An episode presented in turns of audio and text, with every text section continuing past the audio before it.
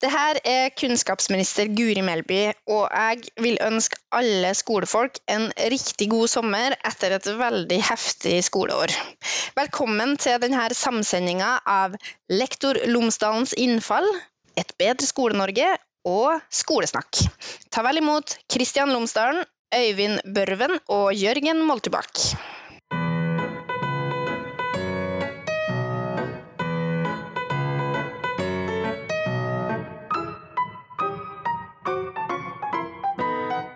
Ja, ja, ja, her sitter vi og snoker på bakrommet i Podkast-Norge. Hvem skulle trodd det? Hei, Kristian og Øyvind. Hei, Jørgen. Hei, Jørgen og Øyvind. Så hvem er vi? Ja, Nå fikk vi jo en nydelig introduksjon her fra selveste kunnskapsministeren med navn osv. Jeg er Jørgen som driver Skolesnakk. Jeg er Kristian Lomsdalen, og jeg driver Lektor Lomsdalens innfall. Jeg er Øyvind Børven, og jeg er begjæra over å være med i dette gode selskapet med helt rå podkastere, og jeg driver Et bedre Skole-Norge.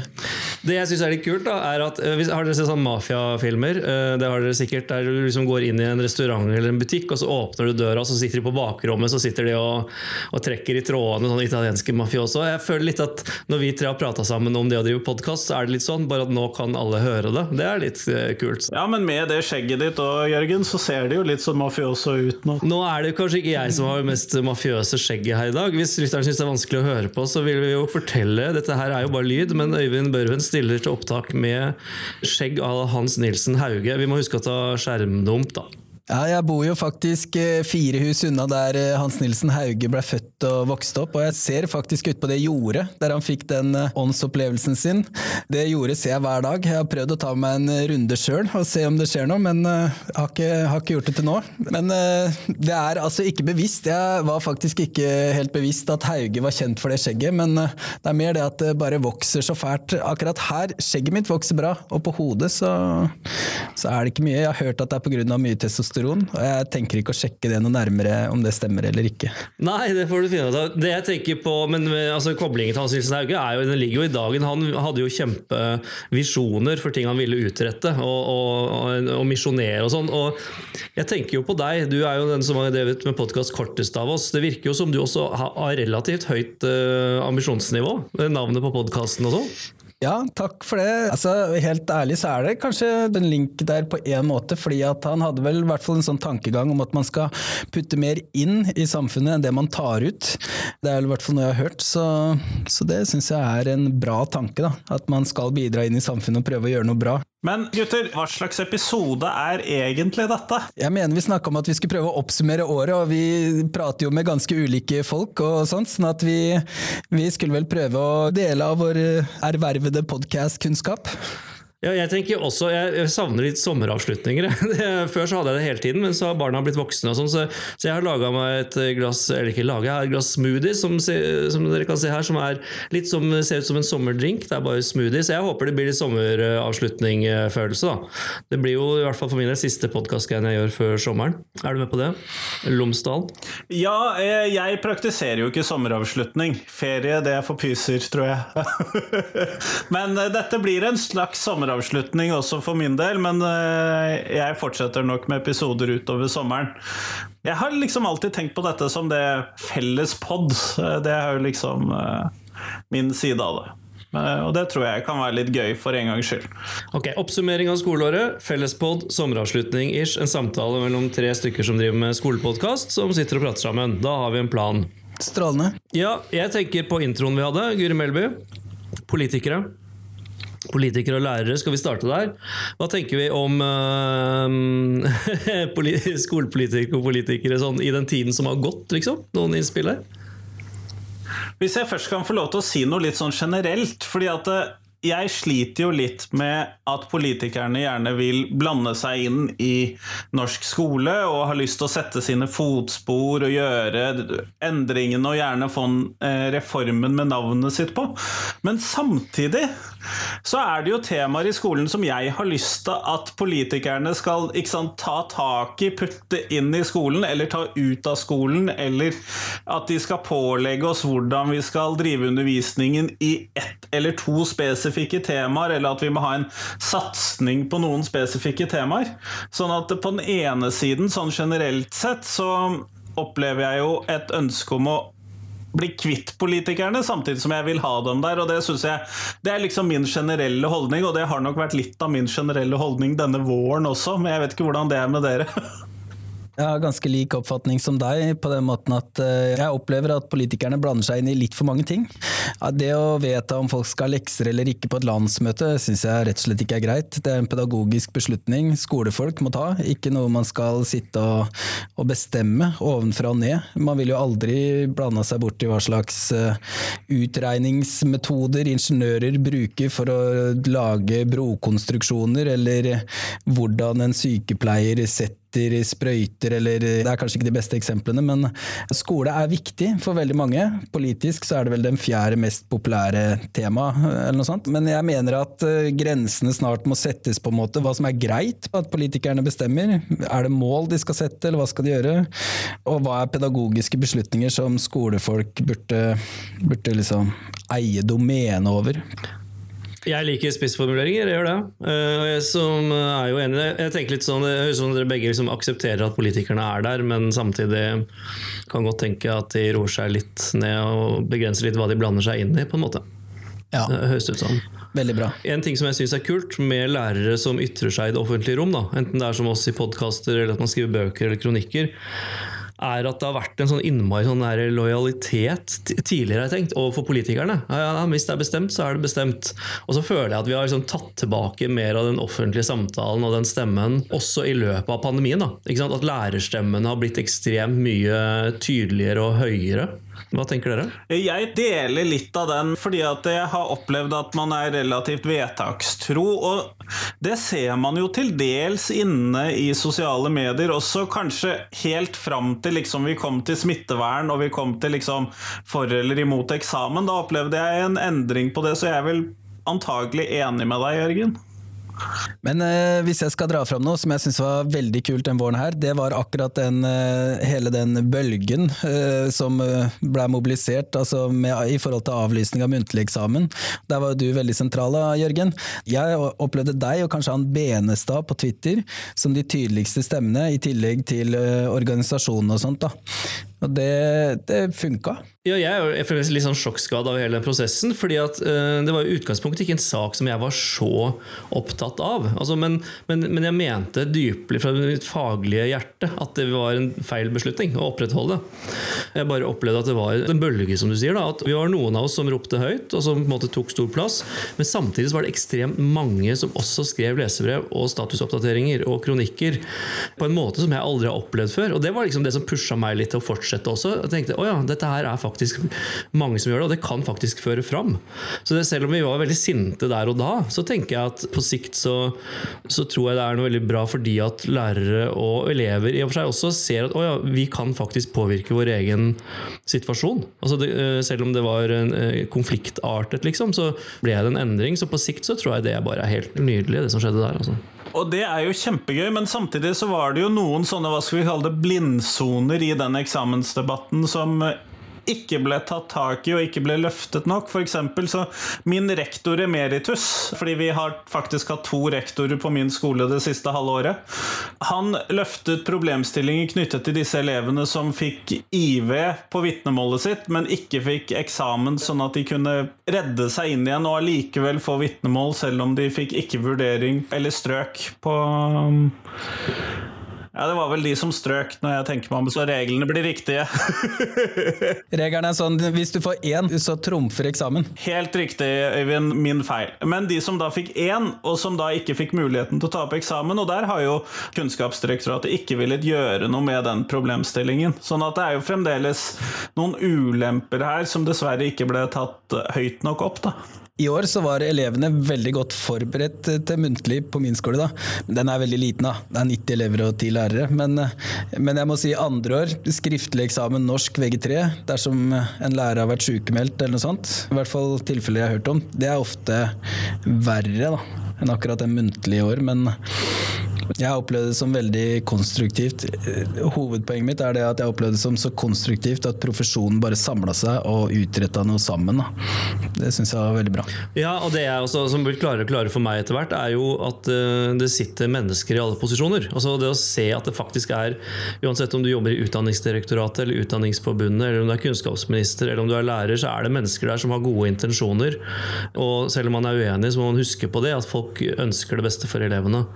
Det er viktig å ta med seg. altså. Ellers så jeg, merker jeg falt av jeg nå på alle disse reglene. Jeg er så ferdig med den diskusjonen. det her, oh, meg. Ja. Jeg hadde jo en episode etterpå da, med han Kenneth Barek Steen hvor vi satt og debrifa litt. for Han hadde en av de lærerne som har skrevet uh, flere kronikker. og Der var liksom, kom vi fram til at kanskje det som var litt sånn skummelt her for mange, er at hvis vi nå har to år uten eksamen og det fungerer helt strålende, så er man litt redde for det at kanskje folk vil uh, argumentere for, for, eksamen på generell basis. da. Og til det eksempelet du hadde Christian, om, om de som da kanskje mista vitnemål. Jeg opplevde det motsatte. At en del som da ville fått IV eller EN i standpunkt, fikk vi noen uker ekstra til å følge opp, sånn at de fikk dem gjennom. Da. Men det er kanskje vanskelig å dekke alt. Og så er jo jeg litt farget av det at jeg er jo motstander av eksamen på generelt grunnlag. Det at jeg var motstander av eksamen i år, var jo liksom bare en forsterket situasjon. Jeg eh, opplever jo eksamens eneste reelle og legitime formål er å kontrollere at vi lærerne har et sånt rimelig passelig nivå på karakterene våre. Og det farger jo mitt syn på om det var nødvendig å avlyse eksamen i år eller ikke, da. For å ta noe jeg har lært av året som har gått, så er det sånn at eh, jeg hadde en samtale med han Per Lauvås, en sånn professor som har skrevet mye om vurdering og sånt. Og han er veldig for mappevurdering. Og det er noe som jeg har opplevd eh, denne koronatida har eh, lagt veldig til rette for, eller man har vært nødt til å gå for en mappevurderingsløsning, og mer tilpassa opplæring ofte, da. Mer enn tradisjonelle vurderingsformer. Og det funker så utrolig bra, vil jeg bare si, sånn erfaringsmessig. Det å ha en mappe, altså at alt går inn i mappa, og så kan man spørre ut fra det etterpå, og så eh, kartlegge kompetansen. Da. Det har jeg opplevd som en helt sånn eh, veldig fin vurderingsform, og det er jo litt, eh, litt det du sier med eksamen, at da, da blir det veldig det prestasjonsfokuset ofte. Det fins jo noen yrkesfaglige eksamener og sånn som er veldig fine, men den tradisjonelle kan være ofte veldig stressende. Jo, men Øyvind, hvis vi da skulle sett for oss da at det fikk denne kontrollfunksjonen, eh, fremdeles at vi skulle putte den inn i mappeeksamen fordi at jeg oppfatter jo standpunktkarakteren som en egentlig en stor mappeeksamen. Ja. Det er jo et helt år hvor du skal vise kompetanse på ulike måter. Mm. Og blir på mange måter en mappeeksamen. Men hvis vi da skulle gjennomføre da en test, eller en sånn kontroll av lærerne om at de hadde et mm. greit nivå, så måtte man jo da ha gjort et utvalg av mappene, for man ville jo aldri kunnet sende av gårde et helt år med vurderingsarbeid nei, nei. til en sånn sensorgruppe. Jeg ser noen sånne både praktiske og etiske problemstillinger knyttet til det. da. Det er ikke enkelt, da, men eh, den historien han Per Lauvås fortalte om, var om en eh, mattelærer på det var nok på høyskole, ingeniørforkurs, et eller annet sånt. Og da Han var gammel og skulle snart gå av med pensjon og turte å ta litt store sjanser, så han eh, lot alle elevene jobbe i en kladdebok. Så tok de med seg kladdeboka på eksamen, og da hadde sensor bladd gjennom den på forhånd og visste hvor nivået var sånn cirka, da. Sånn at det var på en måte mappa deres. Og så stilte han spørsmål ut fra det for å bare kartlegge og kartlegge kompetansen, og så satte de en karakter, da, og den opplevde alle som rettferdig, ifølge Per Lauvås. Altså, man kan ikke gjøre det sånn, akkurat sånn, men uh, det hørtes jo ut som en skikkelig bra måte å løse det på, da, selv om det har masse utfordringer, ja. Jo, men Jeg er helt enig med deg. og Jeg tror, jeg har også den samme erfaringen fra den tiden her, å jobbe over tid. Da. Jeg har fått helt andre muligheter til å gjøre det. Og Hvis det er skriveoppgaver, at jeg, at jeg setter opp en prosess med første utkast, andre utkast, tredje utkast, siste utkast, og hvis noen vil levere enda en til der, så får de det. Og Da er det jo sånne digitale løsninger som er, er superbra. Hvis du jobber i Google Docs eller et eller annet sånt, så, så, er det mye lettere å følge opp mange samtidig. Og en ting jeg har tenkt på, nå når vi fikk masse, fikk liksom nesten åtte-ni uker ekstra på VG2, da, er at det blir en bedre helhet i skoleåret. Fordi at jeg da i stedet for i april en eller annen gang sier ok, nå avslutter vi, nå legger vi bort alt vi holdt på med, nå skal vi eh, begynne å øve til en helt annen oppgave, så kan jeg hele tiden bygge på det vi har gjort. F.eks. i fagsamtaler. da, og så Si til eleven ja, men ta den teksten din fra, som du skrev i februar og den i september, og så, så skal jeg stille en spørsmål ut fra den, og så snakker vi ut fra det. At du lager en helhet der, at det blir en mye mer naturlig kompetanseheving og avslutning på den måten. Og jeg sammenligner litt, men jeg vet ikke om dere løper. Har løpt. Ja, en gang. ja. Nei, men Vi skal løpe en 10 km, så er det en helt sånn underlig psykologi i det som skjer. For det er ikke slutten som er tyngst, nemlig. Det er eh, Fra 5 til 8 km er vanligvis det tyngste, for da har du løpt så langt at du er sliten, og det er fremdeles langt igjen til mål. Men når du bikker 8 km, så begynner du å se for deg mål, og når du kommer til 9, så jeg har så mye energi den siste kilometeren ofte, bare for jeg vet at jeg nærmer meg slutten. Og det føler jeg òg har fått forløst i elevene. Altså Det er så mange elever som har tatt steg den siste måneden, de siste seks ukene nå, fordi at vi liksom fikk fortsette å jobbe med det vi holdt på med, og bare videre. Og jeg er for så vidt enig i min løpekarriere. Det var eh, halvmaraton, og det begynner å bli noen år siden. Når du passerer den der første kilometeren etter at du har passert halvparten, den syns jeg alltid var litt strevsom. Særlig det året jeg trynte i den der snugreia fordi at jeg løp på is. Det var et hardt år. Ja, det er sånn det er å være klasseleder i november hvert år, det. Fremdeles veldig langt igjen, og du er allerede sliten. Men jeg tror jo potensielt vi tre er litt farget av at vi alle jobber i videregående skole. Det er et godt poeng. Ja, jeg kjenner at jeg er en bias også som podkastvert. Jeg har jobba mange år i ungdomstrinnet, men jeg, at jeg har lite barneskoleerfaring. Uh, jeg var uh, korttidsvikar da jeg var 19 eller 20, eller noe sånt, og siden så har jeg ikke satt mine bein i en barneskole. Og jeg tenker at det er, Når vi hele tiden driver og snakker om skolen, altså norsk skole, og sånt, så er det fort gjort å ha noen sånne skjevheter. Altså Huske det at norsk skole er er egentlig noe som går fra 0 til 25 år. Altså det, er, det, er, barnehagen og det er master. Det er et utdanningssystem som er helhetlig. Da. For å trekke opp det bildet. Helt sant. Ja, og det er litt vanskelig å komme utenom det, men samtidig så Jeg opplever jo at vi har en hva skal vi kalle kjernealdersgruppe. da de 13 årene. Mm. Men, men, det der er for, for, meg det er et kjempeviktig tema, hvordan man skaper helhet i det. Og jeg, Dere har jo også hatt gjester som har snakket om det, og jeg har hatt flere gjester som Jeg er spesielt glad i et par episoder jeg hadde her i vinter om barnehagepedagogikk og om lek. Jeg hadde liksom en sånn temauker med flere episoder som handlet om det. Fordi at det er litt sånn tendens innimellom til at barnehagen blir mer skolsk, mens vi egentlig prøver å få skolen for eldre elever mer barneaktig. altså det der med engasjement og nysgjerrighet og lek og sånn inn. Og det å få til en helhet der tror jeg er kanskje et av de største spørsmålene i skolen nå. altså.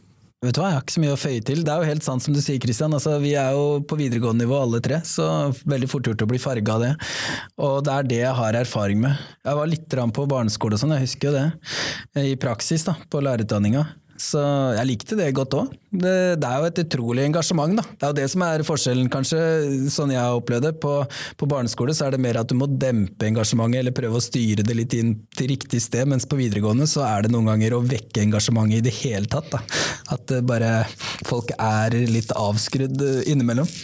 Men Øyvind, er det noen sånn særlige ting du har lyst til å trekke fram som du har lært av det siste halve året? da? Eller ditt første halvår, kanskje? Ja, Hvis jeg skal trekke fram av, av din podkast, så er det jo særlig Alexander Meyer. Da. Han eh, fikk noen hjerneceller hos meg til å koble seg sammen som ikke hadde vært kobla sammen før. Da. Så det var eh, utrolig interessant. Og det du hadde på slutten av den episoden med Da hadde du noe sånn forslag fra et eller annet forum eller noe sånt, eller Facebook-gruppe hvor du hadde spurt hva burde man lære på skolen i framtida, og sånn. Og så kom det masse ideer om eh, alt mulig fra personlig økonomi til sikkert seksualitet og alt mulig. Den episoden likte jeg kjempegodt. da. Meyer, eh, han er en veldig interessant person som eh, mener mye om skolen.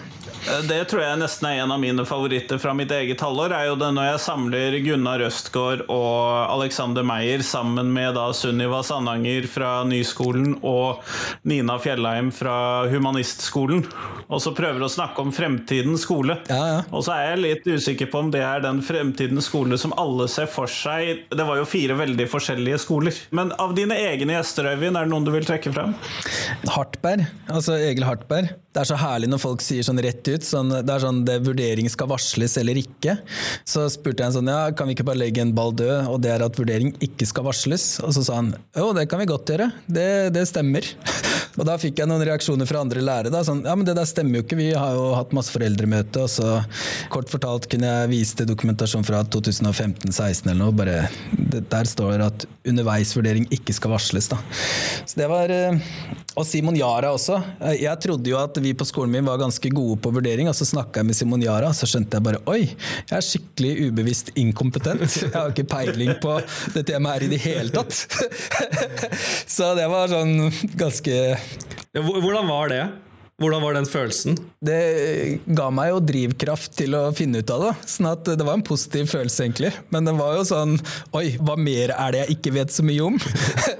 Det er jo litt sånn, og Særlig når man kanskje er litt offentlig òg, så kan man jo liksom gå på noe undervannsskjær uten å vite om det. da. Ja, Men det meste vet vi jo ikke noe om. Altså. Det er Den totale mengden kunnskap i verden er jo eh, veldig veldig stor. Men jeg, bare, tenkte, jeg vil se for meg det øyeblikket der når du både kjenner sikkert at du har gjort et scoop sånn podkastmessig. Dette var kjempeinteressant for lytterne. Oi, og dette burde jeg visst om uh, selv fra før.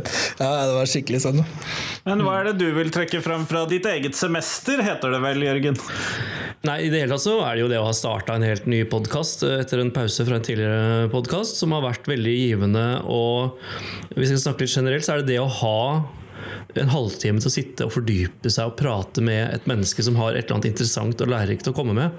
Jeg kunne nesten gjort det selv om jeg ikke skulle publisert episodene, men det er mye lettere å få dem med når jeg vet at det skal bli Jeg, har liksom ikke den der til å sende mail til folk Hei, jeg har lyst til å prate med meg en halvtime, for jeg er nysgjerrig på det du, det du driver med. Men, men, jeg har hatt masse fine gjester som jeg syns har vært uh, veldig interessante. og Eh, de episodene jeg snakket om med, med, lek, eh, det er et sånt tema for meg. Og barnehagepedagogikk. Å liksom ta vare på barnet i at alle vi voksne på en måte er har også et barn i oss. Barnet i oss. Vi tar vare på det, for da er det også lettere å ta vare på de barna som vi jobber med. Altså. Det kjenner jeg er viktig. Og så har jeg en eh, episode som jeg har tenkt ganske mye på. Det er din, Kristian, med Jan Spurkland. Det er vel ikke dette semesteret, det var vel før jul. Om relasjonskompetanse. Da kan jeg avsløre at det kommer en til etter sommeren. ja, nemlig. Vente på den vanskelige andre episoden, toeren, som jeg også har anbefalt fordi at den, det er som en sånn kanonade av gode poenger om det å jobbe relasjonelt. Da. Og det er for meg stort sett svaret på de fleste spørsmål eller problemer man har i skolen. er hvis du sier, ja, men, ok, men hvordan står det til med relasjonen med den eleven eller den klassen? Er den ok? Og jeg tror Mer enn ni av ti ganger så er det der det er, har skåret seg. ikke sant? Og Hvis du får det på plass, så er det veldig mye annet som faller på plass uh, etter det. da. Det er jo det. Og det er jo det krevende å få dette til. At, og jeg opplever jo det at klassestørrelsen kanskje er den største utfordringen for oss å realisere det i flere klasserom. Da. Jo, men der har jeg en viktig læring fra året som har gått, og det går på digitale ting. Fordi jeg opplever både jeg selv og mye kolleger melder om at én-til-én-kommunikasjon fungerer bedre digitalt enn fysisk. Altså det å gå på et breakout room med én elev og ha en eh, fire-fem minutters samtale der der begge har på seg headset, man ser bare hverandre. Det er en sånn boble der du får kvalitet på samtalen som er vanskelig å få til i et, et fysisk klasseromsmiljø. Og jeg har faktisk opplevd at jeg har gjort det selv om vi har vært fysisk til stede på skolen begge to. Så jeg hadde elever fordelt på tre rom, og så skulle jeg ha én-til-én-samtaler. Og så skriver eleven på chatten skal jeg komme inn i klasserommet, da, for de satt på grupperom. Og så sier jeg nei, du bare gå inn i breakout-rom og ta på headset. Så satt vi der, da, både elevene og jeg midt mellom masse andre mennesker, og hadde da en sånn boble av en uh, samtale. Og så kan de sitte og vente og komme inn én etter én. Så jeg, jeg, tenker at vi har en del muligheter nå på faktisk å jobbe relasjonelt med mange flere elever samtidig, og få kvaliteten opp pga. teknologien. Har dere noen sånne erfaringer? Hva tenker du, Øyvind? Eh, har du sett noe på dette hos deg? Jo, eh, det er mange av lærerne som sier det. Også at de har sånn type elevsamtaler digitalt, og da kan de bare ta åtte stykker da, ganske kjapt. Men med kvalitet. At eh, det forenkler mye, og akkurat det som Jørgen sier, også at de bare kan spørre på chatten. Før har chatten vært på læringsplattformen, og det blir jo ofte en sånn kneik, da man bruker aldri den helt. Man har så mange plattformer. Så det, det med Teams og sånn, jeg syns det er sånn ta med seg videre-ting da, som man burde bare bruke hele tida. Og så er det jo en av disse kontrollfunksjonene. For har, jeg har i hvert fall vært inne på kontrollfunksjoner tidligere i dag. Det å kunne få lov til å ha presentasjoner og fagsamtaler og vurderingssamtaler via Teams også.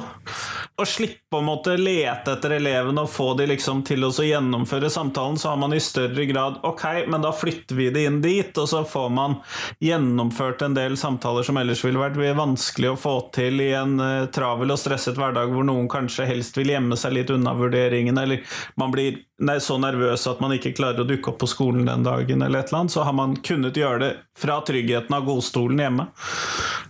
Ja, ikke sant? Det er stikkordet, for da er eleven i sin trygge sone. Eleven får selv definere hvor man er rent fysisk.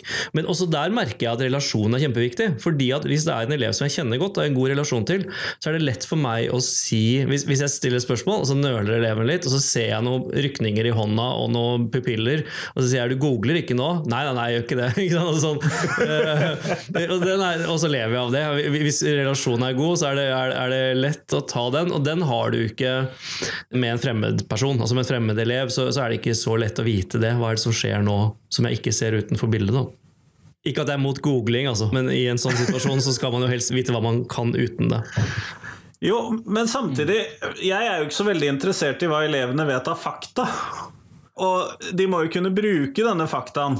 Og hvis du da googler deg til å få bekreftet at det var i 1939 andre verdenskrig startet, og så legger du ut på en eller annen uh, drøfting ut ifra det, så driter jeg litt i at du googlet 1939, altså. Ja, og så tenker jeg det stiller store krav til læreren at vi stiller gode spørsmål. Det er jo mye der det ligger. Altså hvis du sier, Kan du komme på noe eksempel selv med dette? Eller, eller eh, hvis vi sier eh, Hva tror du de to tingene har felles?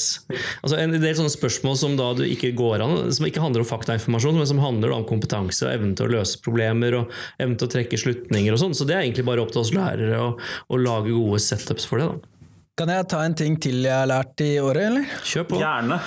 Det var da jeg spurte han Per Normann Andersen da, om eh, altså, hvis en elev er dårlig selvregulert, eller har lav selvregulering, altså ikke klarer å styre behova sine, eller impulsene sine på en god måte, så spurte jeg hva skal til for å lære elevene?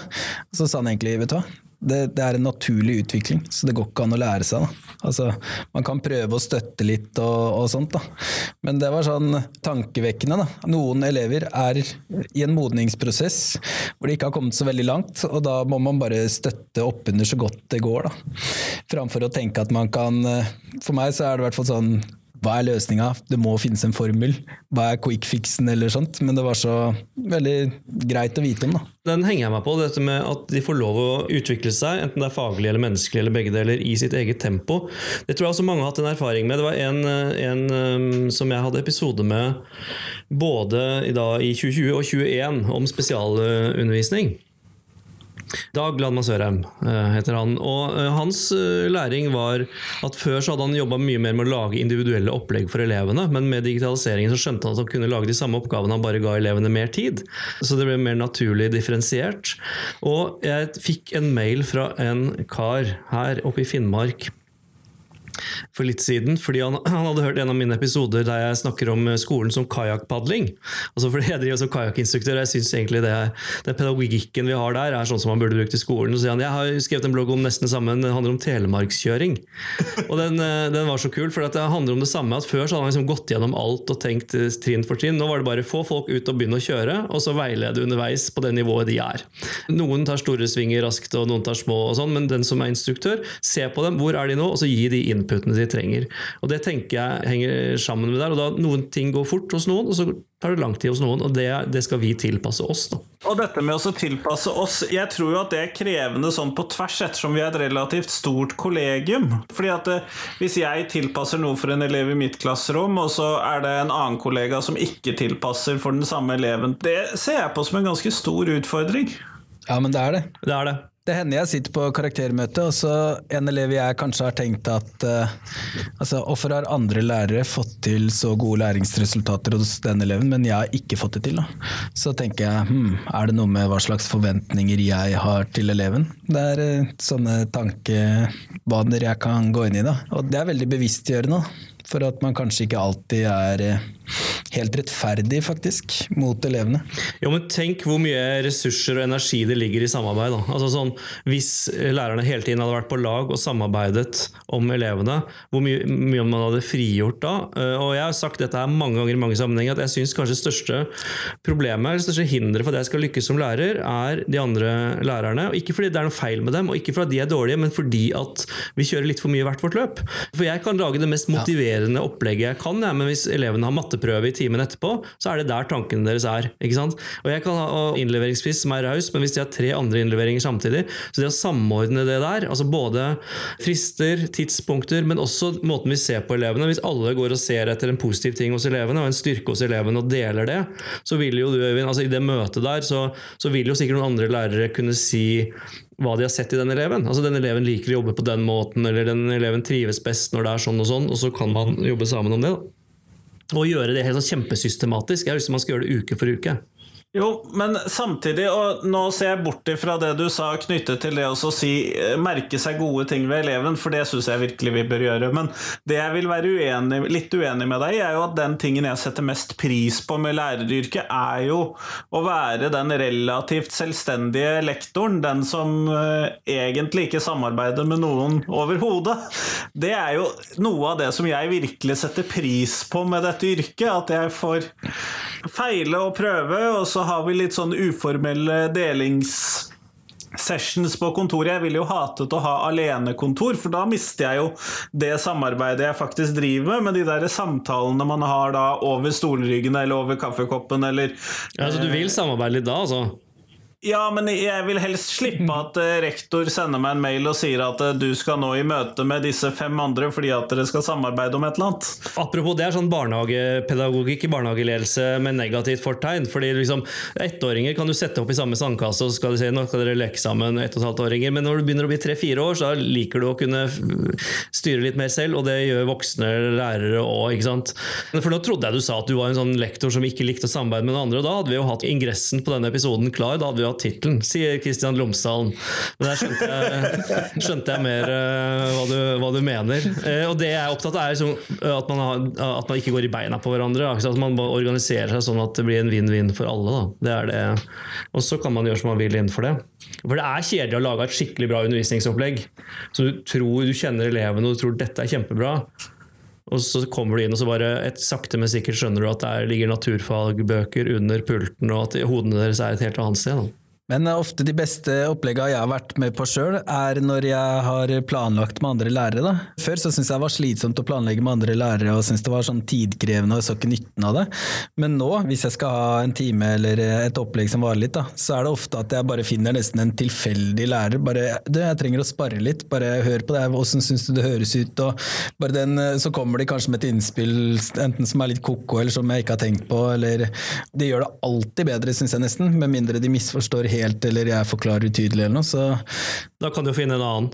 ja, ja, men det er som du sier da, Kristian, at hvis det Jeg også setter jo pris på den autonomien da, som lærer, men jeg tror at skoler som har en silokultur, da, hvor alle lærere holder på med sin egen greie, jeg tror at uh, opplevelsen som elev ikke blir så god som hvis man har en skole med en god samarbeidskultur blant lærerne.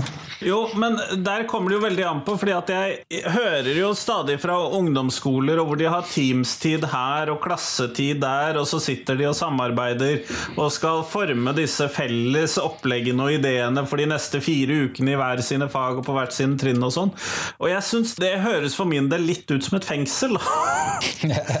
jeg skjønner hva du mener. Det der er jo det sånn uh, Fullen og Hargraves kaller kunstig kollegialitet. Altså Man blir tvinga av en uh, ambisiøs uh, mellomleder eller rektor til å sitte og trøkke ut noe felles på en måte som man egentlig ikke er så gira på. Men men de sier jo at ofte er det et nødvendig steg før man kommer til det naturlige samarbeidet. Da. Jo, men hvis jeg isteden kan få lov til å løpe bort til kollegaen og forstyrre vedkommende i rettarbeidet sitt fordi at jeg vil fortelle om et eller annet, enten en god idé jeg har eller et godt opplegg jeg har gjennomført, det føler jeg mye bedre. Men Jørgen, jeg så jeg avbrøt deg. Hva skulle du si? nei, nei, nei, jeg bare tenkte det er det som er kult med Øyvinds eh, podkast, at du får gode quotes og faglige Han, han, han har så mye faglige ting. så, som Westfalen sier altså, ja, jeg, har litt, jeg, har litt, lite sånt. Jeg har mye sånn uh, enkel, sunn fornuft og egne erfaringer.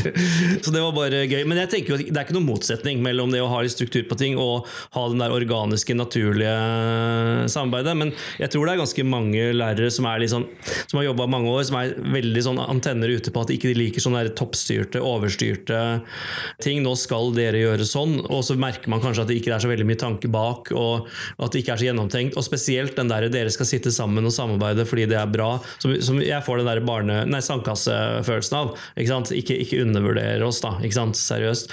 Og jeg har lyst til å si til det, til noe du sa om det med kontrollfunksjon og eksamen da, i begynnelsen av denne episoden, Kristian, at jeg tror at vi lærere ønsker å være i synk. Ja.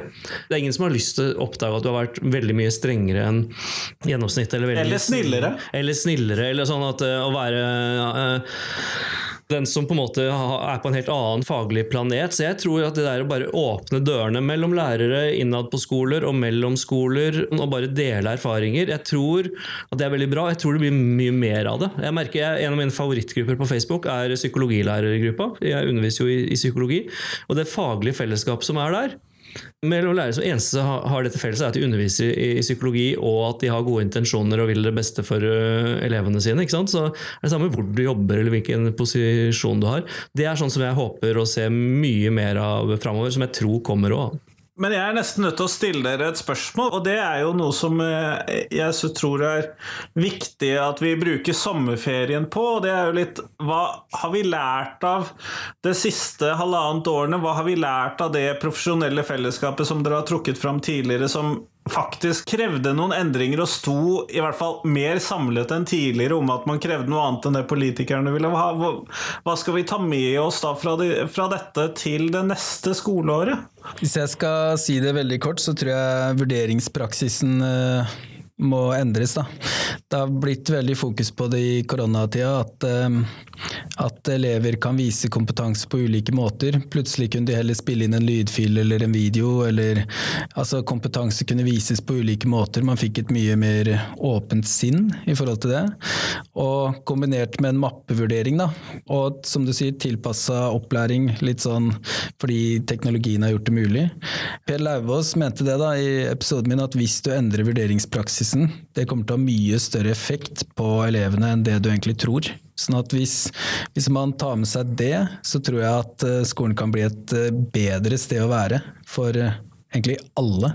Både elever og lærere, og jeg tror det vil føre til bedre læring for elevene og mindre arbeid for lærerne. Så det er en sånn vinn-vinn-vinn-situasjon på alle kanter. Jeg er helt enig, og jeg håper du har rett. Jeg håper det er det som skjer. Hvis jeg skal si, velge én ting, så tenker jeg da altså profesjonell utvikling, profesjonsutvikling. Fordi jeg opplever at, eh, som jeg nevnte, altså man har åpnet noen dører og vinduer som gjør at vi kan få mye større utveksling av ideer og kunnskap. Og jeg tenker Et eksempel på det er FIX ved Universitetet i Oslo og de webinarene de hadde i hele 2020. Jeg lurer på om de har 500 personer på, som limit der, som er med live, eller sånn, og, og opptak. Og det er bare én ting, ett sted hvor de samler ny, topp kompetanse, og hvor alle interesserte lærere og skoleledere og andre kan være med og tenke når dette her blir satt i system, enda mer, hvilken på en måte kunnskapsbedrift hele norsk skole blir. da. Det tenker jeg. Du selv da, Kristian? Jeg vet faktisk ikke, men jeg tror jo at dere er inne på noe. At vi har muligheter både til å være et digitalt og hva skal vi kalle det, nasjonalt sånn profesjonelt fellesskap, istedenfor bare dette profesjonelle fellesskapet på hver enkelt skole. Jeg i hvert fall har en mye større opplevelse av enn jeg hadde før, da. Og det liker jeg jo. Men jeg tror at det kan bli vanskelig, Øyvind, hvis vi, hvis vi blir skikkelig flinke på litt sånn nye varianter av vurdering. For jeg har jo oppdaget at noen av elevene de vil veldig gjerne ha disse puggeprøvene som de skal krysse av eller skrive to faktating på, og så er de ferdige og får en god karakter. Mm, jeg vet det. Mange er ytre motiverte, og Kjell Evensen er vel den råeste jeg vet om der. Som, han snakker vel om at vi må bare treffe de med virkelighetsnære oppgaver som de virkelig har lyst til å jobbe med, da, i den grad det går. Men uh, det er klart, det er, jo, det er jo ikke alle som liker alle fag. Det er jo det de ofte sier etter videregående, at de syns det er så deilig å studere det de er interessert i, og ikke bare det noen har bestemt at de skal lære. Ja, og det der starter tidlig. Det kommer an på hva de venner seg til av uh, vurderinger helt fra de blir vurdert i barnehagen, så vil de også bli vurdert nå. Men vi har noen klare ideer der. Og jeg må jo si, hvis vi, jeg lurer på om jeg må stikke snart, um, folkens. Men uh, hvis vi skal begynne å rappe dette opp litt, så tenker jeg at det går an å si at også podkastene i all ubeskjedenhet, både oss og alle de andre, uh, spiller en ganske nøkkelfunksjon her. Altså den der, For å løfte den samtalen og diskusjonen om skole. Både vi som driver podkaster, men også alle som stiller opp som gjester. Uh, at det er en sånn offentlighet uh, som har vokst fram de siste årene, som jeg syns er veldig kul. Og det som jeg syns er morsomt, er at jeg har hatt både gjester og lyttere som sier nå har vi begynt å lage podkaster på vår skole også. Altså De har begynt å lage egne podkaster i profesjonsfellesskapet på skolen det er noe av de morsomste tilbakemeldingene jeg har fått. altså. Det er helt rått. Jeg må bare fylle på, fordi det du sa om at uh, du snakka om fiks, og så snakker vi om podcaster, og hele den der floraen av uh, ulike uh, hva skal jeg si, ulike skolefolk som møtes på midten. Da. Hele den bevegelsen der syns jeg er veldig interessant, og det tror jeg koronatida har ført til, eller akselerert. Jeg tror som du sier at vi ser bare konturene nå, og jeg mener den første store bølga hvor vi så Jeg mener at det momentet der, altså de uformelle, sånn som du Jørgen og, og, flere, var med å bikke det at muntlig eksamen ble avlyst. Det er helt sånn umulig å, å finne helt eksakt fakta på, men jeg, tror at det at så mange engasjerer seg i uformelle fo foraer, det er med å bikke da, i en eller annen retning.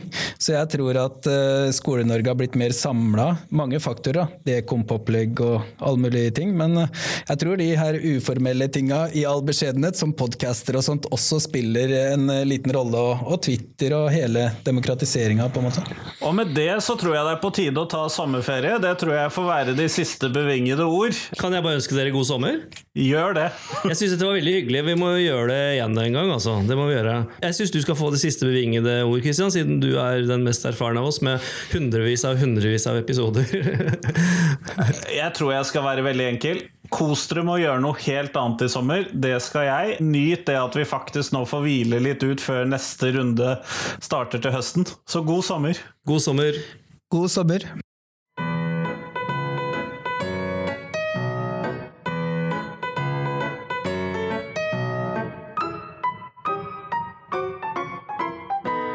Som du sikkert forstår, så var dette lektor Lomsdalens innfall, og denne gangen så snakket jeg sammen med Øyvind Børven og Jørgen Moltebakk.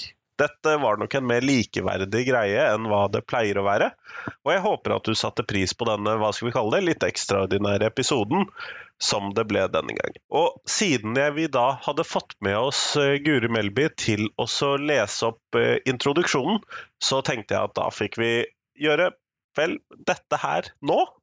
Og podkasten er jo som alltid sponset av Cappelen Dam Utdanning. Og hvis du går inn på skolen.cdu.no, så finner du alle de ressursene, oppleggene, stoffet osv. som Cappelen Dam Utdanning har laget i forbindelse med fagfornyelsen i grunnskolen. Alle fag, alle temaer, alle klassetrinn, alt sammen, det finner du på skolen.cdu.no. Mest sannsynlig så har du allerede tilgang til dette gjennom skolen din. Hvis ikke du har det, så kan du ta, prøve, ta en sånn prøveperiode, for det er det mye av nå om sommeren. Ellers, jeg sier jo i podkasten at uh, sommerferie er for pyser, og det var selvfølgelig sommerferie for podkastere er for pyser, litt for å erte mine medpodkastere der ute. Også fordi at jeg setter veldig stor pris på podkaster som går gjennom sommeren. Fordi at jeg har mer tid til podkast om sommeren, og det tror jeg kanskje du har også. I hvert fall jeg, noen bør ønske seg mer tid til podkast om sommeren. Så Lektor Lomsdalens innfall kommer til å fortsette gjennom hele sommerferien med podkaster. Og så satser jeg på at du blir fornøyd med det, og at det kommer noe du liker. Det kommer til å være mye politikk denne sommeren, og det handler jo rett og slett om at det er stortingsvalg til høsten. Det har mye å si for Skole-Norge. Ellers så kommer det til å komme andre episoder også, litt innimellom. Jeg spacer det litt ut, sånn at det ikke bare blir politikk. Sånn at du som ikke syns det er så spennende, får noe som du liker også. Send meg gjerne tips om hva du har lyst til å høre på podkasten, for det er den eneste måten podkasten kan bli bedre på. Men nå Nå skal du få lov til å gå videre til neste podkast, og så høres vi på fredag som vanlig. Ha en god sommer. Hei, hei.